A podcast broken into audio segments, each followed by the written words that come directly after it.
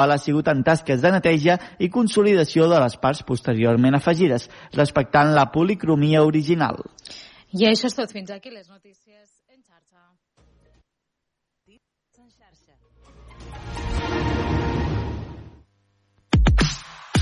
Aquest estiu, obert per vacances. Cada matí, de 9 a 11, a la teva ràdio local. Amb Manel Ferrer. Molt bon dia, què tal? Com esteu? Benvinguts a l'Obert d'avui divendres 11 d'agost del 2023, al mateix dia en el qual hem conegut que per la setmana vinent s'han cancel·lat 22 vols entre Espanya i Bèlgica per una vegada pilots de la companyia Ryanair. Concretament, són els vols que aterrin o s'enlairin des del Prat o l'aeroport de Girona. Els pilots anuncien les condicions de treball, particularment en el temps de descans. Segons els sindicats, Ryanair continua canviant els horaris i els descansos dels pilots en contra del conveni col·lectiu vigent. A més, demanen a l'aerolínia irlandesa recuperar el nivell salarial previ a la pandèmia del coronavirus l'any 2020. I avui també hem conegut que han nascut les primeres tortugues babaues de la temporada a la nostra costa. Concretament són les tortugues del niu detectat a la platja de Sarriera a Begur, a l'Alt Empordà, i fins ara se n'han desclòs una vintena. També han començat a fer eclosió part dels 373 ous detectats al Delta de l'Ebre, l'indret on hi ha més nidificació. La d'aquest any és la temporada en què s'han registrat més nius a la costa catalana. Per ara se n'han detectat 8, però podrien ser més al finals de l'estiu. si acaso nunca volvemos a hablar Y mis ojos favoritos no me vuelven a mirar Esta la hago pa' cuando te quieras recordar Del loquito tuyo que te quería de verdad Y no voy a hacerme el fuerte no... El cantant Raúl Alejandro s'ha acomiadat de la que era fins fa poc la seva parella Rosalia en una cançó d'amor anomenada Ayami Ana, una que en japonès vol dir flor rara i bonica. Aquesta cançó la signa com a Raúl, el seu nom de pila, i no pas com a Raúl Alejandro, que és el seu nom artístic. En ella deixa entendre que la relació s'acaba però que continuarà esperant a Rosalia per si mai torna. A més, aclareix també que mai li ha estat infidel. Todas mis carencias, ya tú te las sabes Yo también tus cosas tengo que aguantarme pero... I en el programa d'avui parlarem de novel·la negra, una tendència a l'alça, i en conversarem amb l'escriptor Sebastià Benasser. Anirem també fins a la fira i fins la festa major autogestionada de Cardedeu i també assistirem en directe al torneig de Villes a la Fresca de Tordera. A més, avui sortejarem un nou val bon preu amb la nostra cançó de l'estiu. Quina és per tu la cançó de l'estiu? Digue'ns-ho amb una nota de veu al 628 841 055 i podràs guanyar 60 euros per gastar al bon preu esclat.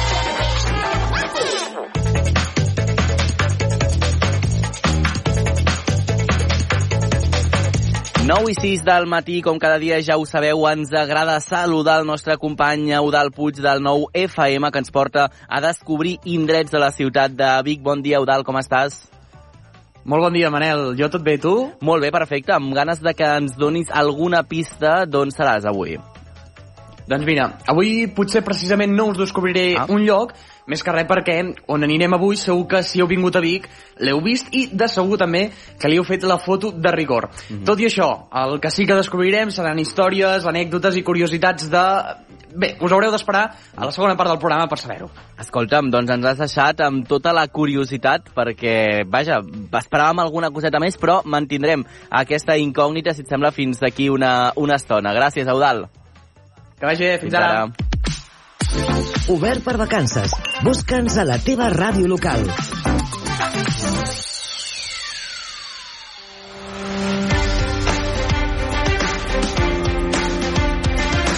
I a les 9 i 7 tenim també una notícia de darrera hora que explicarem en aquests eh, moments. Els treballadors del telèfon d'emergència 112 fan vaga indefinida que ha arrencat avui mateix divendres. La fan al centre de Reus durant el cap de setmana des d'aquest divendres 11 d'agost. Els treballadors reclamen ser internalitzats per la Generalitat i diverses millores laborals com augment de salaris i també de plantilla.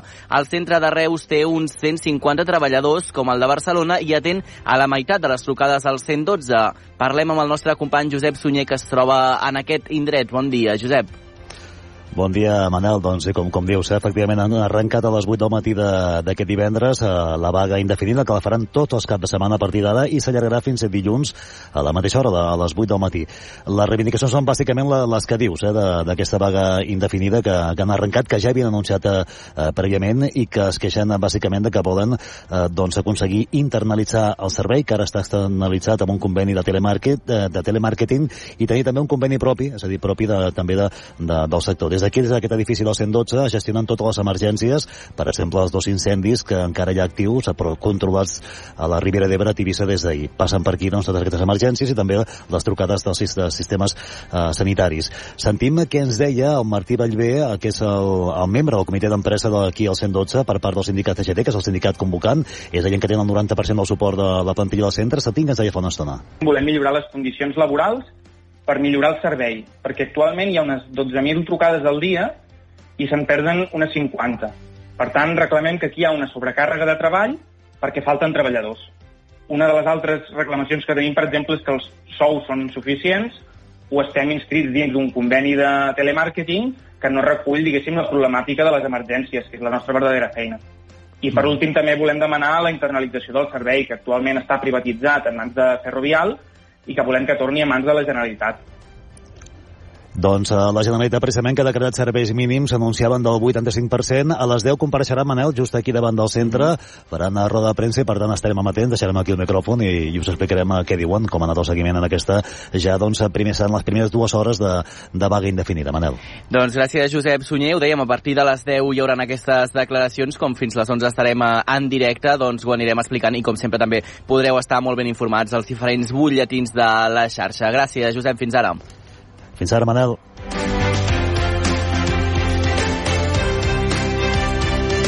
Sintonitza Obert per Vacances.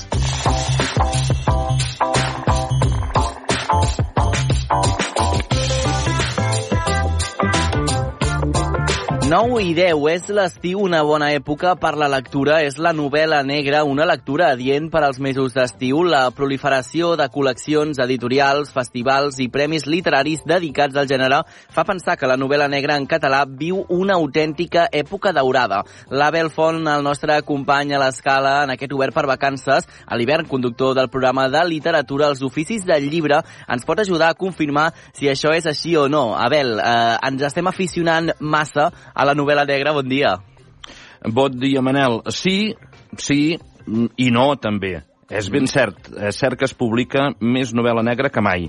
És cert eh, que col·leccions com ara el Crims.cat, el Llibres del Delicte o l'Omarraco Negre, per posar-ne només tres exemples, són eh, cada cop més presents a les prestatgeries de les llibreries.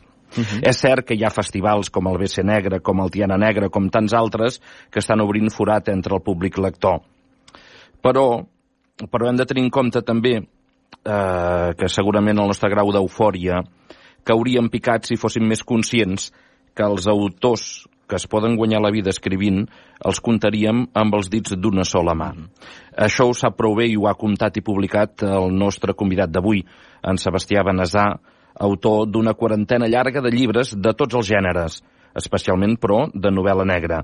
L'últim d'ells, el Kinky Connection, que ja va per la seva segona edició. déu nhi eh? Bon dia, Sebastià. Felicitats de, pel Kinky Connection, publicat a Llibres Delicte. Un exemple de la bona salut de la novel·la negra en català. M'atreveixo a dir, comparteixes l'opinió que la novel·la negra viu aquesta època especialment brillant a casa nostra? Bon dia. Bon dia, uh, moltes gràcies uh, per, per la convidada. Um, no sé si podríem dir que vivim un, un boom o no, uh, el que sí és cert és que jo crec que a nivell de producció mai havíem tingut eh, una qualitat mitjana tan alta com la que estem vivint en aquests moments. Això no vol dir que totes les novel·les siguin bones, n'hi ha de molt dolentes també, eh? eh? però la qualitat mitjana és la més alta de la història. El que passa que tenim un problema d'indústria, si la negra de la Magrana eh, feia tirades de 10.000, ara les tirades mitjanes són de 700 exemplars i per tant hi ha un, un decalatge. Curiosament, en el moment en què millor novel·la negra s'està fent, les tirades són les més curtes de la història de la novel·la negra en català. Uh mhm. -huh. De fet, eh, Sebastià, estem en aquestes setmanes d'estiu on està fent moltíssima calor. No sé si la gent aposta per llegir també en aquestes setmanes i també si l'estil de la novel·la negra també enganxa en aquests dies. No sé si potser la gent busca eh, potser lectures una mica més lleugeres. Bé, jo el que volia desmentir és que la novel·la negra sigui lleugera, mm. precisament, no? Vull dir, la novel·la negra és una novel·la de màxima qualitat. Avui en dia, si féssim un cànon literari, evidentment, de les 100 millors obres de la literatura universal, Raymond Chandler, hi seria segur, Dashiell Hammett també, i la novel·la negra tindria un lloc d'honor, eh, i per tant hem de desmentir que la novel·la negra sigui un subgènere o una, una lectura més lleugera. Al contrari, és la fàbrica de bons lectors. Vull dir, la gent que llegeix molta novel·la negra després no perdona ni un error a qualsevol altra novel·la que no sigui de gènere perquè precisament llegeixen d'una forma molt més atenta que els altres lectors. Per tant, diguéssim, els bons lectors són els que llegeixen novel·la negra habitualment, no? I com que la llegeixen habitualment, a l'estiu també. Sí, uh, sí Sebastià, i, I què té la novel·la negra? Però quins ingredients té que atrau tants lectors o que uh, ajuda o agruma tants uh, lectors, nous lectors i no, tant, i no nous lectors. Què passa? La sang, la sang és llaminera? Què, què ens hi enganxa?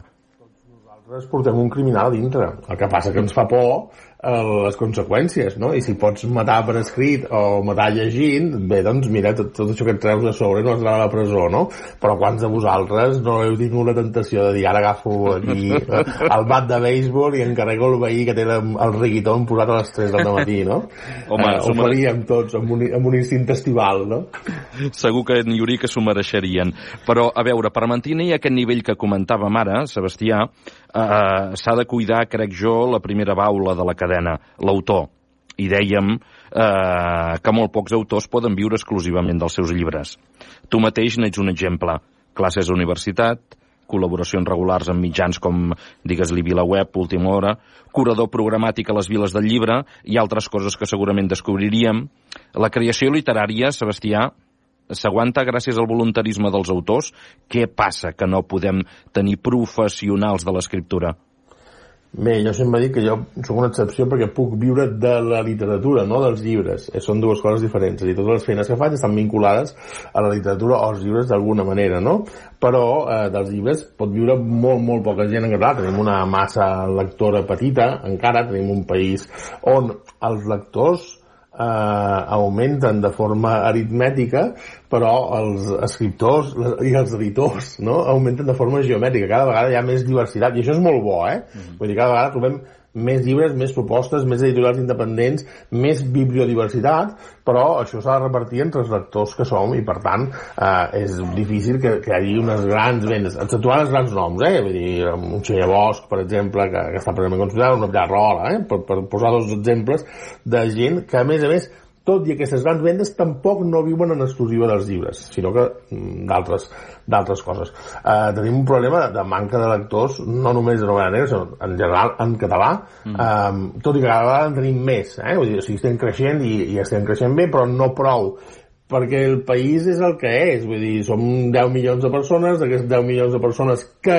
consumeixin habitualment llibres només el 51%, d'aquesta gent que consumeixi habitualment llibres en català eh, doncs eh, és la meitat, per tant, diguéssim que els consumidors habituals de llibres en català, i dic habituals vol dir que compren més de 5 llibres a l'any, són arreu del, del territori de parla catalana unes 800.000 persones, per tant no dona per mantenir la indústria eh, i per mantenir els escriptors, i per tant fan falta doncs, més programes d'ajudes, més incentius, i, i acabem tots eh, anant a recórrer en el camí dels premis, que a vegades és una no. panacea perita, però que ajuda, eh, si tens la sort, a arribar aquell any a final de mes amb una mica més de solvència, però tots acabem fent altres feines, eh? Vull dir, la, la immensa majoria d'escriptors que es dediquin només a escriure n'hi ha molt poquets, on són molt poquets. Mm -hmm.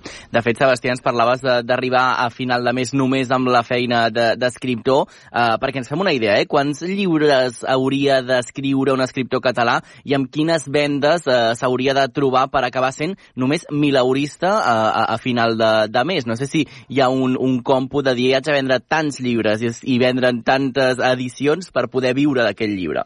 Mira, ho podem fer fàcil. Um, un, la, el, el preu mitjà d'un llibre ara és de 18 mm. euros, per tant, uh, seria, i l'escriptor s'emporta el 10%, per tant, 1,8 uh, de cada llibre venut. Hem de mm, pensar que paguem a Hisenda i paguem també a la gent literària, per tant, el 30% d'aquest 1,8 uh, se'n va, no? Per tant, això queda a 1,2 Eh, per tant, 1,2, eh, doncs mira, per ser mileurista, eh, hauríem de vendre 10.000 exemplars a l'any eh, de, de cada un dels títols que féssim. I cada any hauríem de vendre 10.000 o entre les vendes acumulades dels diferents llibres que tenim, n'hauríem de aconseguir vendre 10.000 per arribar a ser eh, mileuristes. Jo us diria, us diria que les tirades mitjanes són de 700, Fixa't. feu comptes. Fixa't.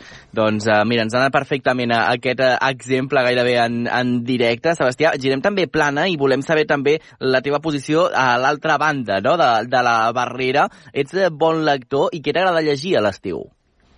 Uh, jo, jo llegeixo de forma omnívora, clar, mm. com que a més a més eh, eh, està una mica condicionat per la feina de, de la vida web i de la universitat, doncs hi ha lectures obligatòries. Però després n'hi ha, cada any jo em reservo 4 o 5 llibres d'allò de llegir per pur gust, no? no? La qual cosa no vol dir que els que llegeixo per obligació no, no gaudeixi molt, eh? Uh -huh. Però d'aquests per pur gust, i, i a mi m'agrada molt eh, quan no tinc l'obligació llegir assaig eh, que, és, que és a vegades el que no puc llegir durant l'any i ara per exemple m'he llegit eh, una biografia fascinant sobre Joan Marc que, que ha escrit en Miquel Segura Aguiló que es diu Joan Marc de Prou. És el llibre en, català més venut eh, a Mallorca i no el trobareu en lloc perquè és una edició de l'Ajuntament de Santa Margarida i ha tingut només distribució local però se n'han venut eh, em sembla que eh, gairebé 1.800 exemplars, que és una autèntica bestiesa per, per Mallorca, i gairebé totes les presentacions, no? Hi ha hagut un boca orella, un fenomen bastant, bastant curiós, i tenia molta curiositat perquè a mi el personatge de Joan Marc eh,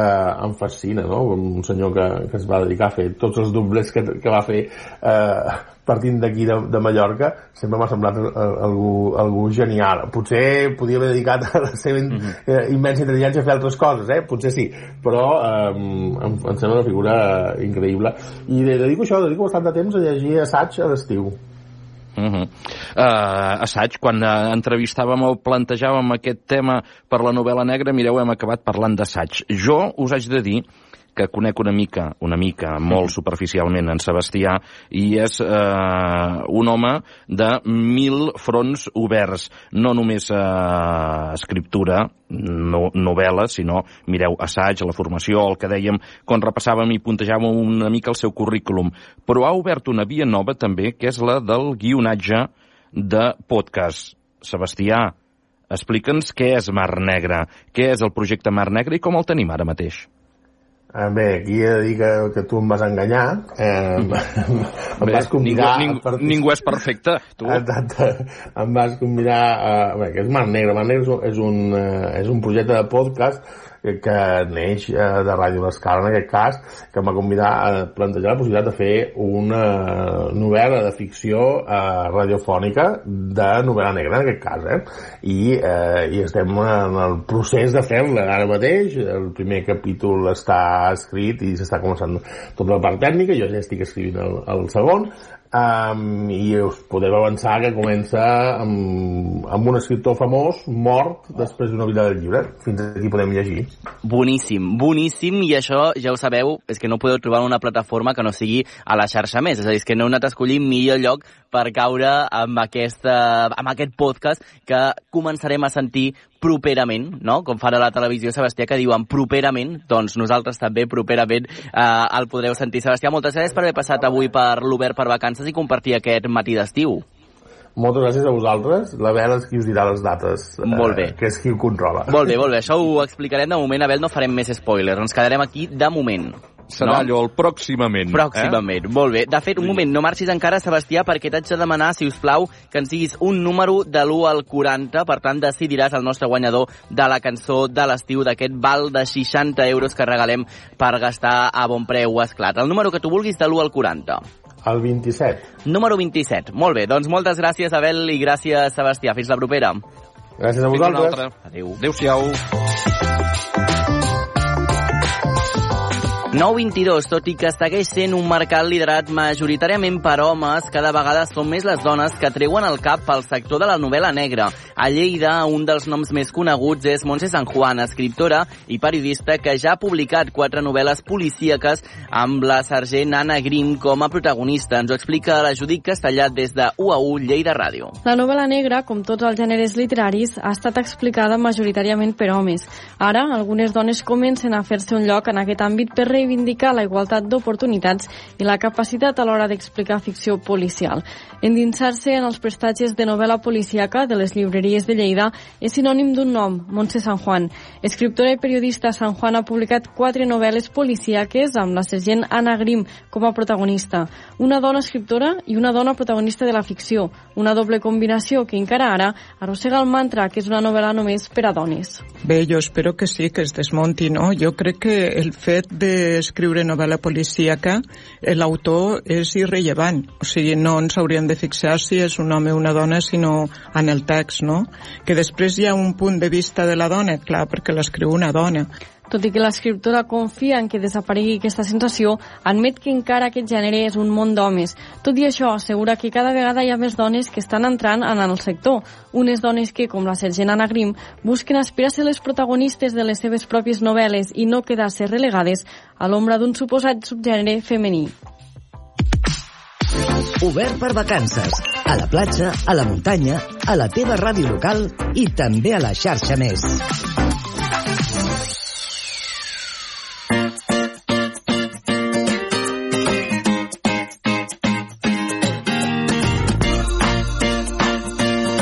Ens anem apropant a dos quarts de deu del matí a l'Obert per vacances i hem de seguir coneixent diferents iniciatives i propostes arreu del territori. Fa més de 20 anys va néixer a Cardedeu el Polvorí, una alternativa a la festa major tradicional de la vila. Tradicional pel finançament, per filosofia i també pels valors, el Polvorí arribava a Cardedeu per revolucionar la manera d'entendre les festes, afegint una manera de viure la gran festa amb un punt de vista molt més reivindicatiu. Amb esperit crític i autogestionada, el Polvorí volia que els cardedeuencs i cardedeuenques no perdin la consciència social per molta festa que hi hagi i 20 anys després segueix liant-la. Nosaltres hem de saludar la nostra companya Susana Cabiscol de Ràdio Televisió Cardedeu. Bon dia, Susana, com estàs?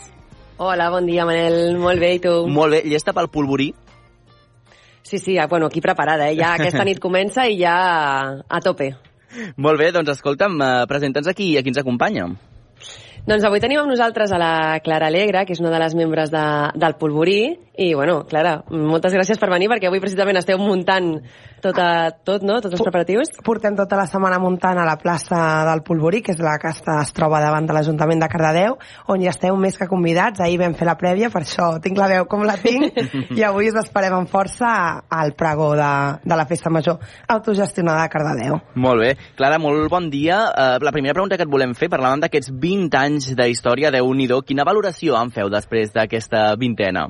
Sí, exacte. L'any passat vam fer la celebració dels 20 anys i vam acabar fent un documental per intentar recollir l'esperit d'aquestes festes on hi ha un munt de persones que hi participen, des dels tècnics, dels grups que també són afins als nostres valors, a la gent que fa torns, i tots som importants. Des del que només eh, organitza, bueno, només dic, organitza una, una sopa quilòmetre zero per servir plats de temporada a 120 persones, fins que el que fa un tour de backstage que dura més de, de 12 hores per cuidar i estar atentes a totes les necessitats dels grups, perquè estem, estem molt contentes i cada any és diferent, però el que ens caracteritza, el que ens caracteritza és que l'autogestió és i sempre serà construir comunitat i cultura popular.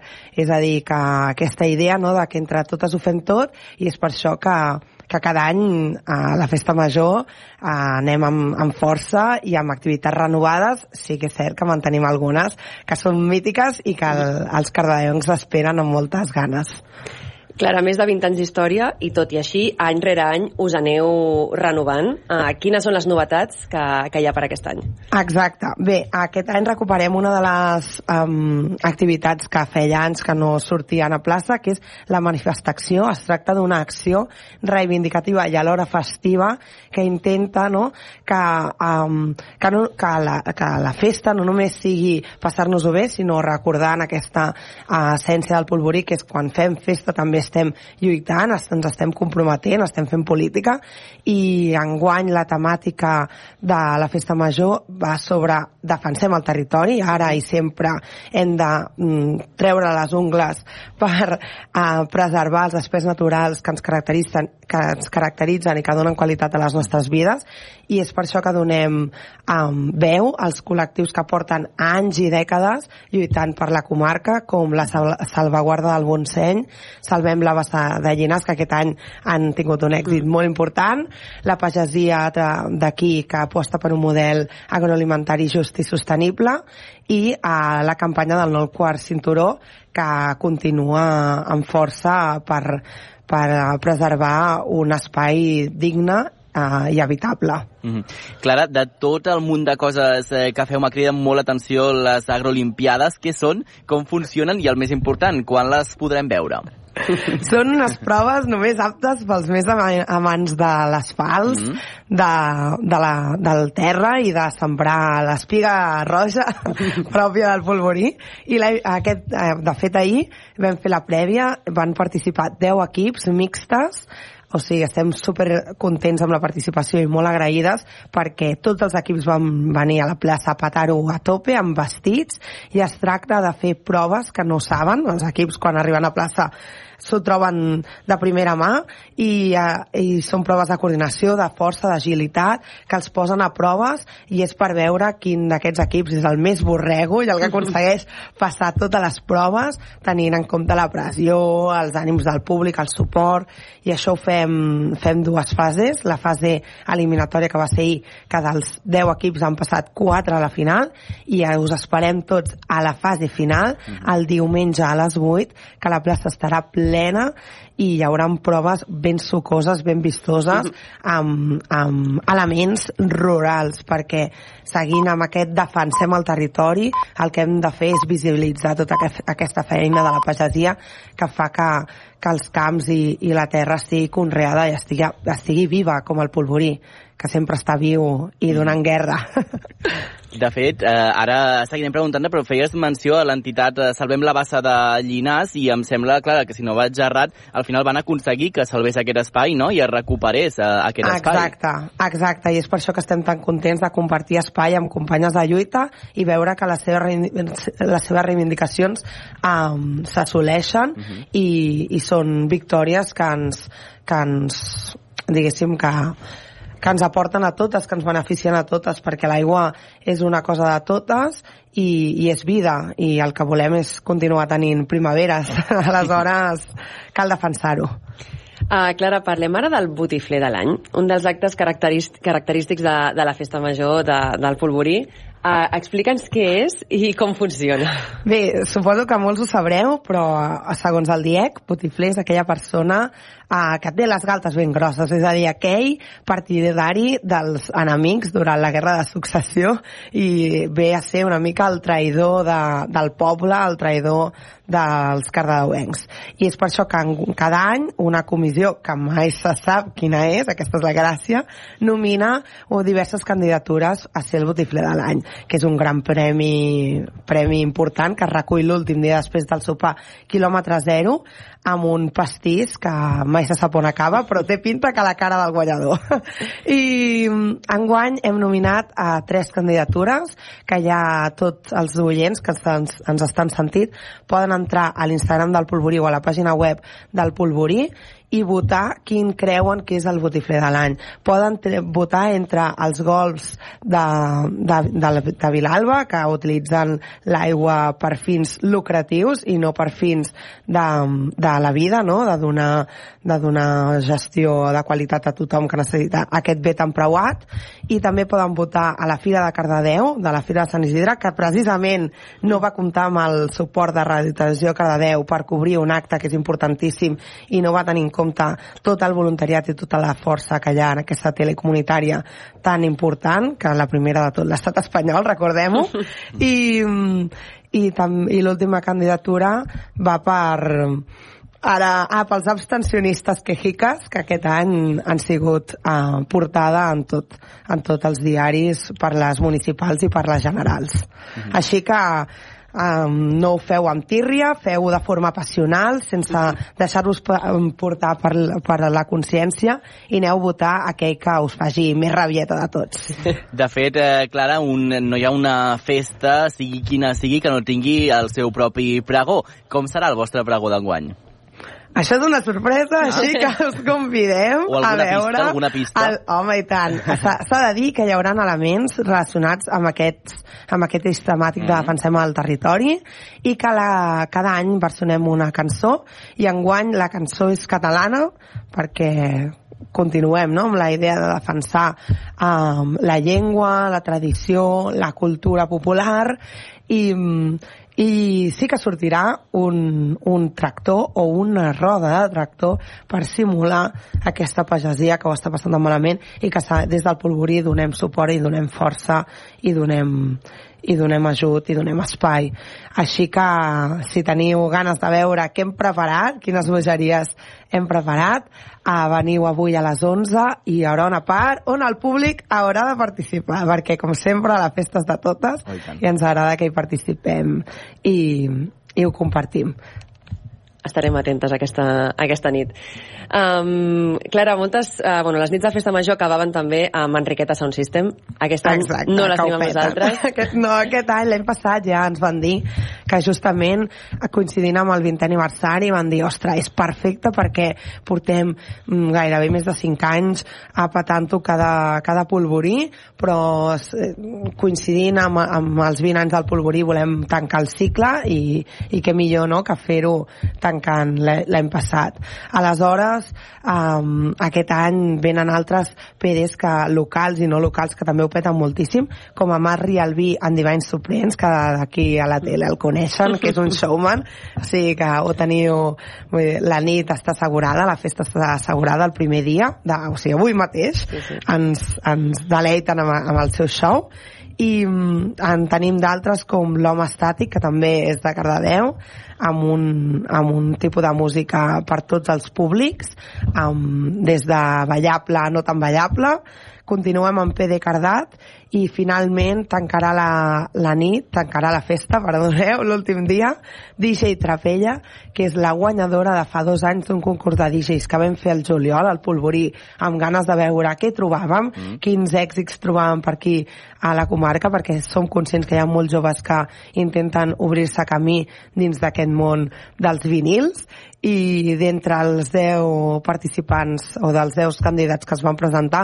va guanyar aquesta noia um, la, La Trapella, Riera, eh? la Marta, exacte, uh -huh. que ara està tancant a Club molt, moltes nits, és resident, i també va amb altres grups com Triba, Tribade i d'altres, i, i aquest any torna a tancar Polvorí, perquè ella quan ja vam contactar i va dir sí, sí, jo ho tinc reservadíssim, vosaltres veu ser els primers que veu apostar per, per mi, a partir del concurs de DJs Polvorí va començar tot, i jo hi vull ser, vull tancar Polvorí, vull estar amb vosaltres quan s'acabi aquesta festassa de l'autogestió i, de la, i de la traca. De fet, eh, la Marta Riera, DJ Trapella, és eh, premianenca i a més sempre ho recorda, eh? Cada entrevista que, que li fem des de Premià doncs sempre recorda els seus eh, orígens, els seus inicis i que també doncs en part van ser amb vosaltres, per tant jo crec que serà una posada a punt genial. Eh, moltes gràcies, Clara, per haver passat avui també per l'Obert per Vacances. Home, no, gràcies a vosaltres per, bueno, per convidar-nos, estem supercontents i estem encara més contentes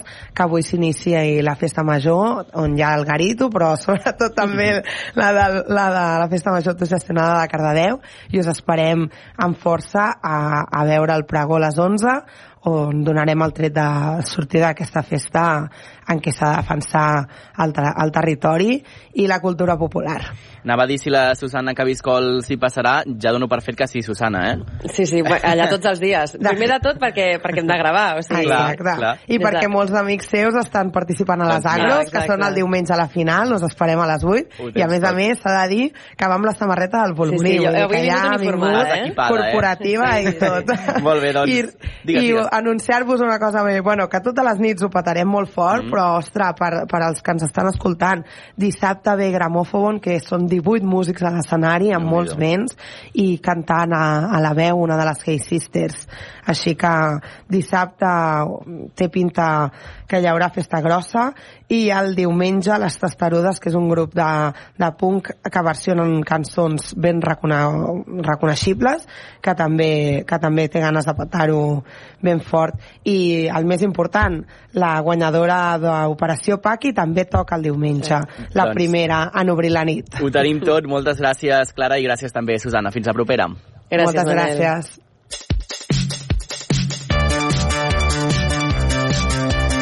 Sintonitza Obert per Vacances.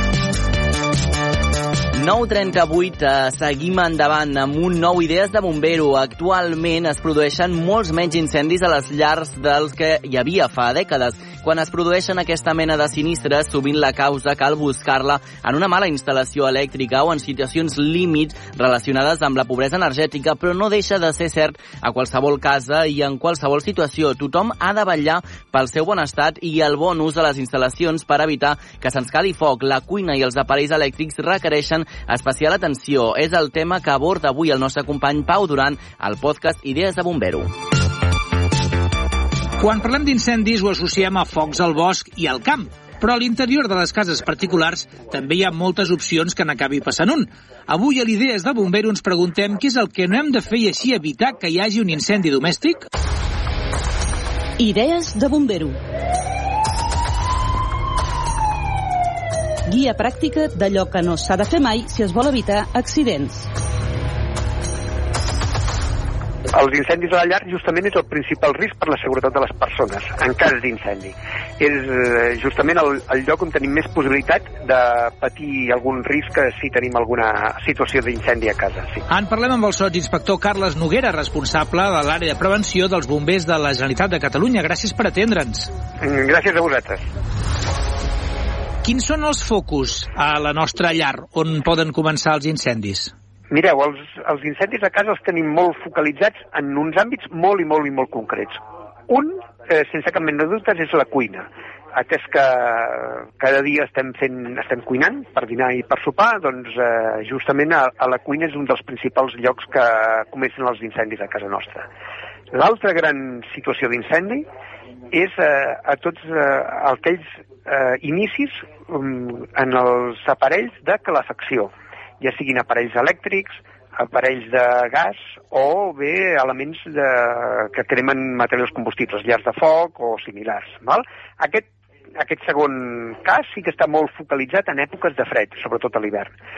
I després tenim una altra gran situació d'incendi, d'inici de possible situació d'incendi, que és tots els elements eh, de, eh, causats per sobrecàrregues elèctriques o, o, o iniciats en aparells eh, elèctrics. Sobretot eh, lladres, endolls múltiples i, aquesta, i aquest tipus d'elements. De, dels tres grans grups que ens estàs separant, Carles, quin seria el que, que, veuri, el que, el que potser causa més nombre d'incendis domèstics? Mira, per nombre segurament el, el més el més freqüent, sense cap mena de dubtes, és el tema de la cuina. Val? Per què? Perquè justament estem cuinant cada dia, és molt fàcil deixar-nos un drap al costat del fogó, sobretot si estem en temes de paelles amb oli o fregidores, és molt freqüent que s'inflami l'oli de la fregidora o de la paella si en aquell moment doncs, eh, tinc un descuit o vaig atendre una trucada al telèfon o em donen aquella notícia a la tele que vull escoltar i resulta que no me'n dono compte que tinc, que tinc la paella o aprofito per anar a estendre la roba si s'ha acabat la rentadora. Val? És a dir, qualsevol descuit em pot provocar que no me'n recordi que tinc alguna cosa fregint-se o una mm, fregidora o una paella amb oli i això provoca que s'inflami aquest oli i al moment agafa la campana, al moment s'estén a qualsevol drap que pugui tenir pel costat, a qualsevol ampolla de plàstic que tingui pel costat. I aleshores això és una de les situacions més i més i més freqüents d'inici d'incendi a casa nostra. No entro en el factor gastronòmic, de com queda cuinar amb flama, però en aquest sentit és una bona prevenció si hem de triar quina cuina nova ens posem, decidir posar elèctriques en lloc de, de continuar amb les de gas? Sí, justament eh, això és, és una bona decisió. Eh? Justament, eh, més que elèctric serien les plaques d'inducció. Eh? Totes les, les plaques d'inducció. Això sí que seria una bona decisió. Sobretot, justament pel fet aquest, el fet de tenir gas, sí que també pot provocar per algun moment o altre que eh, el, la flama s'apagui val? però no hagi tancat el gas. Eh? Per tant, això pot provocar també una fuita de gas. Evidentment, mica en mica, eh, les, eh, les substitucions de cuines de gas per cuines eh, elèctriques sempre és una bona decisió. Eh, parlaves també d'aparells elèctrics, sobrecàrregues... No sé si hi ha algun electrodomèstic que també s'emporti la palma en aquest sentit. Mireu, tots aquells eh, electrodomèstics que consumeixen molta energia perquè provoquen escalfor poden poden provocar alguns riscos d'incendis si no els hi fem el manteniment que correspon o si no hi tenim unes petites eh, mesures molt bàsiques de, de, de prevenció. Eh, justament, a, a quins són aquests aparells? Doncs, per exemple, rentadores, quan estic eh, rentant amb alta temperatura, les assecadores, eh, tots aquests aparells. Hi ha una manera molt senzilla, que és el fet de dir sempre hem de garantir el que ens diu el fabricant d'aquell aparell. Això vol dir que si ens demana que necessita pel darrere un espai de ventilació, doncs garantir aquest espai de ventilació. Justament amb això són de les millors mesures de prevenció, és a dir, sempre especificar i garantir el que ens digui el fabricant. El, ens parlaves abans també de sobrecàrregues. No sé si és complicat acabar-se fent una idea de quins cables no es poden carregar més, si tenen presa de terra o no. Això al final és, és fàcil de determinar o és una mica sí. complicat? Mireu, hem de pensar que qualsevol aparell elèctric eh, fa que s'escalfi el conductor, és a dir, l'endoll, eh, per, on, per, on, per on passa la corrent. Si aquell aparell consumeix molta energia elèctrica, farà que s'escalfi més. Quins són els aparells que consumeixen més energia elèctrica? Els que fan coses, eh, els que provoquen escalfor. Això vol dir planxes, rentadores, estufes elèctriques, és a dir, un, una estufa elèctrica a l'hivern consumeix molta més electricitat que no pas, per exemple, un carregador d'un mòbil, eh, sense cap mena de dubte. Per tant, el que hem de tenir molt de cura és amb tots aquells aparells que consumeixen molta electricitat. I això vol dir evitar connectar-los tots amb un mateix endoll, amb un lladre. Val? És a dir, com a norma general hauríem d'intentar evitar utilitzar lladres, perquè poden provocar sobrecàrregues elèctriques, és a dir, que consumeixin molta electricitat, que aquell lladre s'escalfi molt, i si s'escalfa molt, doncs eh, pot començar a cremar. Si aquest lladre comença a cremar i el tinc justament a, una, a la part baixa de casa, amb un endoll a la part baixa de, molt proper del terra, i tinc una cortina a tocar d'aquest lladre, doncs al moment tinc un incendi que està començant a la cortina i pot convertir-se en incendi generalitzat. Carles Noguera, inspector i responsable de l'àrea de prevenció dels bombers de la Generalitat de Catalunya. Gràcies per atendre la trucada de l'Obert per Vacances. Moltes gràcies a vosaltres.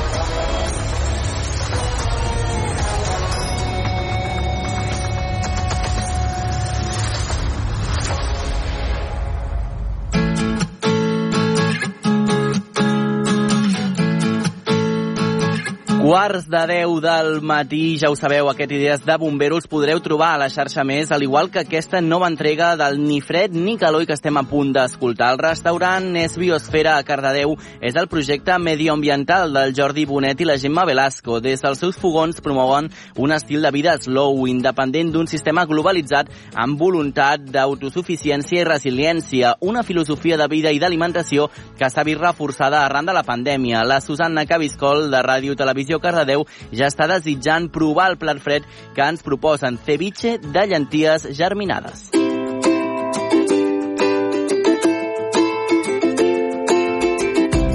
Ni fred ni calor. Què fem avui?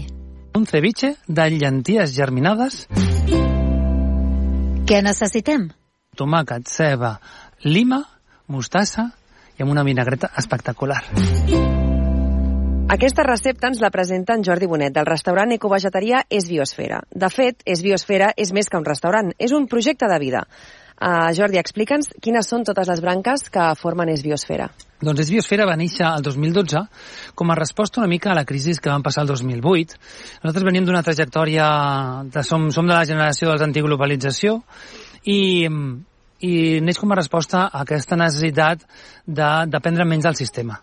De, som conscients que estem immersos en la globalització, sí que, però sí que és veritat que depenem terriblement d'un sistema econòmic que de vegades et deixa una miqueta, una miqueta fora i una mica excluït quan doncs, el teu lloc de treball ja no, ja no és important, quan eh, passen determinades circumstàncies. Llavors eh, vam crear una escola d'autosuficiència.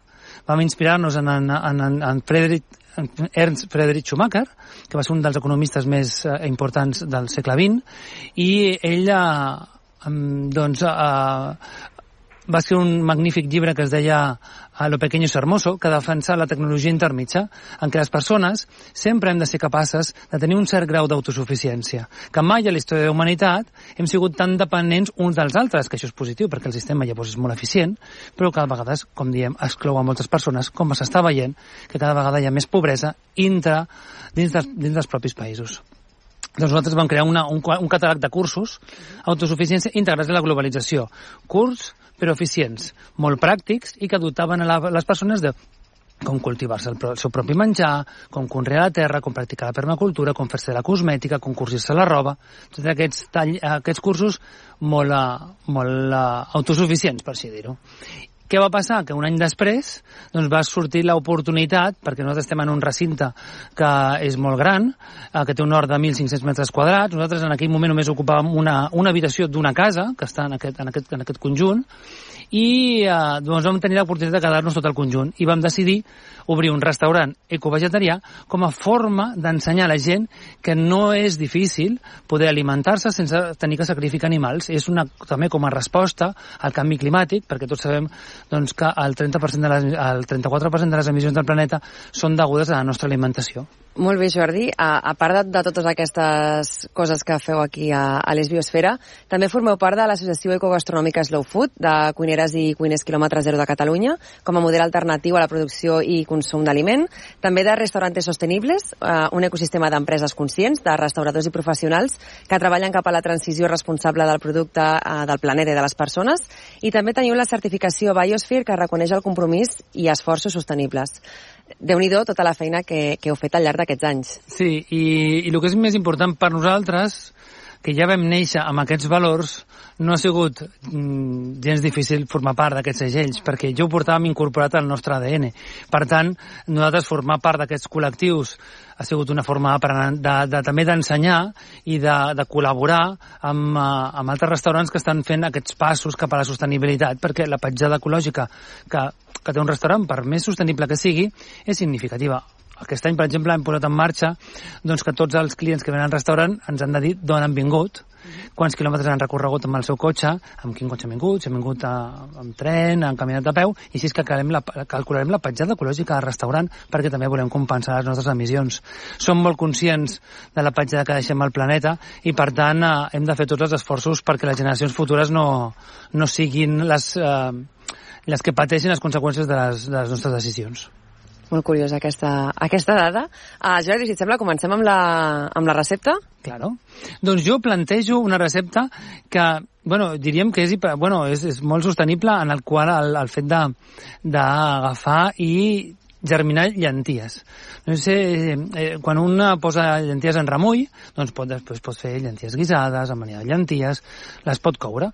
Però us proposo que deixeu una part de les llenties que heu posat en remull, les deixeu, uh, les traieu l'aigua, estan 24 hores en remull i les, al cap d'un dia li traieu l'aigua i les deixeu en, una, en un pot mig tancat que puguin respirar.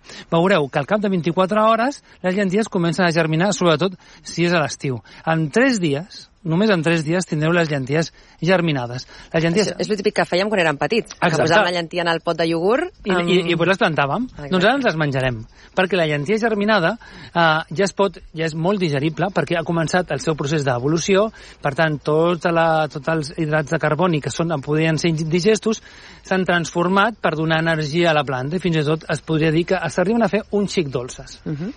Doncs aquestes llenties germinades els incorporarem un bon tomàquet, tomàquet ligúria, tomàquet pometa, un tomàquet autòcton, un tomàquet d'un pagès que, que conegueu, uh, uns bons tomàquets, també li afegirem una mica de ceba tendra i després prepararem una vinagreta. I aquí podeu triar, podeu escollir lima, que sí que és veritat que tindria que recórrer un cert viatge amb avió, però podeu triar llimones de València i llavors farem una vinagreta amb un morteig. Farem mig all, li posarem tres llimones, una cullerada de mostassa, eh, una mitja tassa de julivert, una mica de pell de llimona i eh, una ratlladura de gingebre. Vale. Tot això és, una, és un líquid, és una, una vinagreta que incorporarem, ha de sortir bastant, poder, ben bé que posarem el suc de dos, de dos llimones, eh? I a tota aquesta vinagreta li afegirem una miqueta, una cullereta de sucre o una cullereta d'àgave o algun tipus d'endulçant per fer una miqueta menys agressiva i menys àcida la mescla. Tota aquesta vinagreta l'incorporarem a la barreja de llenties, tomàquet i ceba i la deixarem 24 hores o Ha de reposar. Potser, sí, o potser 12 hores. Això que preparar-la pel matí i la podem fer, fer, per sopar. Ha de reposar la nevera? Ha de reposar la nevera, Vale. uh, tot i que no seria obligatori. Uh, estem molt acostumats a tots sempre a deixar-ho a la nevera. A vegades, mm, doncs, que hi hagi mica, microorganismes també reforça el nostre sistema immunitari. Um, i, I això ens ho menjarem i ens sentarà exquisidament bé. T'ho puc assegurar que és de les, de les receptes que fan en aquest restaurant que millor senten i que jo sempre aprofito per menjar-la. Doncs moltíssimes gràcies, Jordi, per aquesta aportació al Nifet Micaló i esperem que molta gent es decideixi per preparar-la i, i que ens expliquin com els hi ha anat. Moltes gràcies a vosaltres. Gràcies.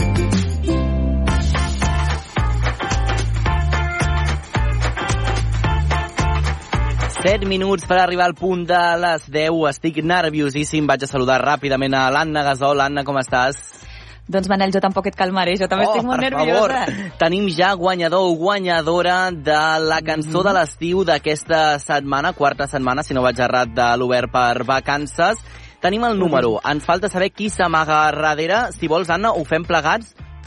Vinga, fem els tambors Val, jo dic acabin... el número i diré que correspon a... I quan s'acabin els tambors dius el nom de la senyora o senyor i el saludem? Vinga, preparada. Vinga, doncs fet, va. Doncs avui el nostre guanyador o guanyadora ha estat el número 27 i que correspon a... La Rosa de Badalona. Rosa de Badalona, que em sembla que la podem saludar. Bon dia, Rosa, com estàs? Hola, bon Rosa. dia. Rosa. Rosa, què més? Jiménez, G. escolta'm, quina cançó ens vas proposar?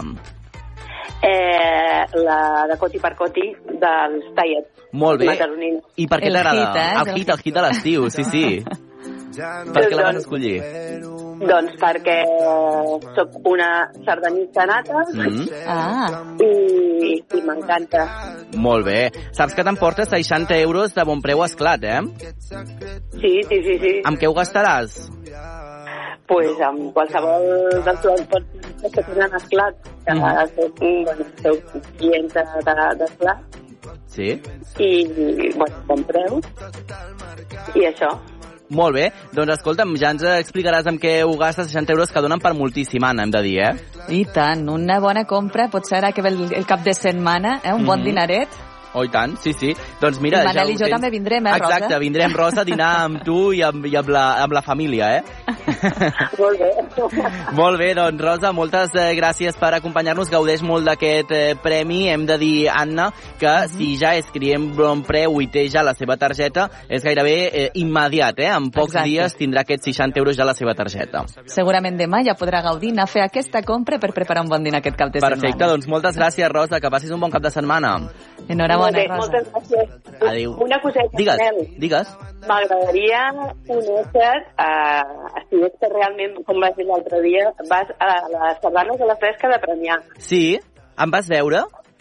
No, no, que m'agradaria conèixer, m'agradaria realment veure si tornes a anar algun dia abans Ah, que t'agradaria conèixer-me. Doncs mira, fem una cosa. Ara em guardo el teu número, et truco ara en aquesta pausa i quedem un divendres al vespre per veure'ns a les sardanes de Premià. Et sembla? Molt bé, Gràcies. Rosa. Mare meva, sortiré aquí, sortiré aquí amb dona i tot. Fixa't, Anna Gasol, que aconseguirà l'Obert per Vacances. Va, marxem. Minutets de música, notícies i tornem amb més Obert per Vacances. Fins ara. Ja no em puc creure res.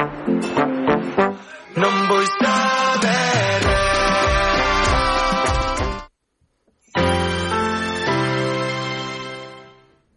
la xarxa de comunicació local. L'univers infinit.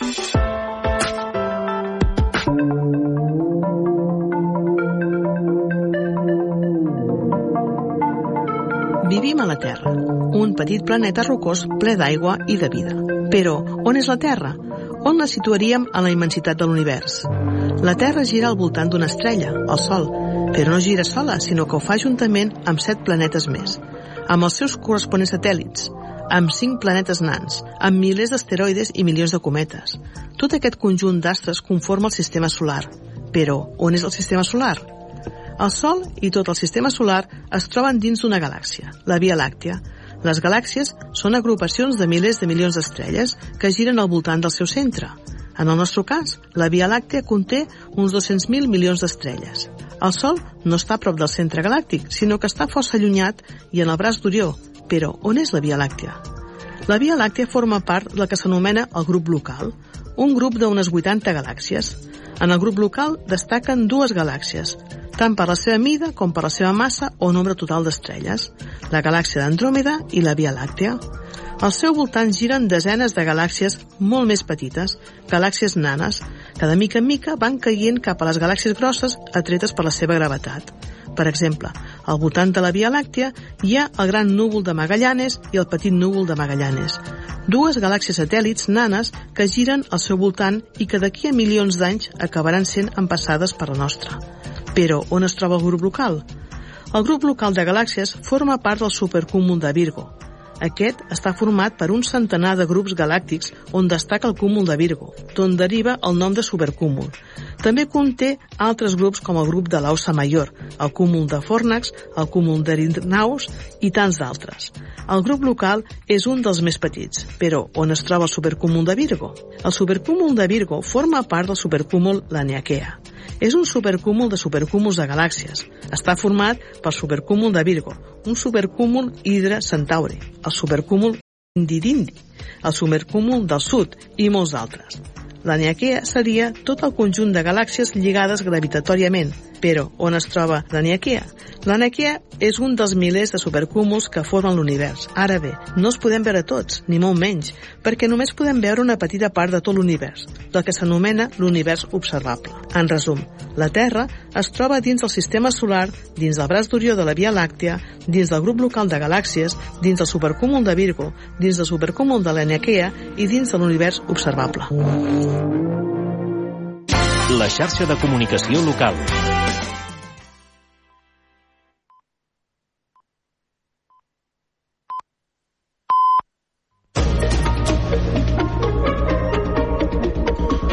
Notícies en xarxa. Bon dia, són les 10, us parla Maria Lara. Els treballadors del telèfon d'emergències 112, un 150, fan vaga indefinida els caps de setmana i ha arrencat avui mateix a les 8 del matí. Reclamen ser internalitzats per la Generalitat, ja que ara depenen de Servei o filial de Ferrovial. Volen millores laborals, com ara un augment de salaris i també de plantilla. Ara estan concentrats davant del centre. Allà hi tenim el Josep Sunyer, de Tarragona Ràdio. Josep, bon dia. Bon dia, Maria. Doncs sí, justament s'acaben de concentrar, porten dues hores de, de, de vaga en aquesta jornada. Avui arrenca aquesta vaga indefinida, com deies, de cap de setmana, a diferència de l'anterior. Eh? Recordem el 21 i el 22, set mesos de vaga d'agost a març, que va ser amb talls pràcticament cada dia. Ara serà tots els cap de setmana fins que resolgui les reivindicacions. Ens ho explica el membre del comitè d'empresa, aquí al 112, per part de la CGT, el Martí Vallvé. Martí, què tal? Bon dia. Hola, bon dia. Què reivindiqueu? Principalment tenim, tenim dues reivindicacions. Per una banda, reclamem la internalització és a dir, ara és important que la ciutadania sàpiga que ara mateix el Servei d'Emergències de Catalunya, el 112, està en mans de Ferrovial, del tercer home més ric d'Espanya, el Rafael del Pino Calvo Sotelo, i per tant s'està gestionant el servei d'emergències amb criteris econòmics, i això vol dir que es perden trucades perquè falta personal. I per altra banda també reclamem una millora de les condicions laborals i econòmiques dels treballadors. La ciutadania també hauria de saber que estem atenent trucades d'emergències en anglès, francès i alemany, a 60 euros al mes, per exemple, de plus d'idiomes,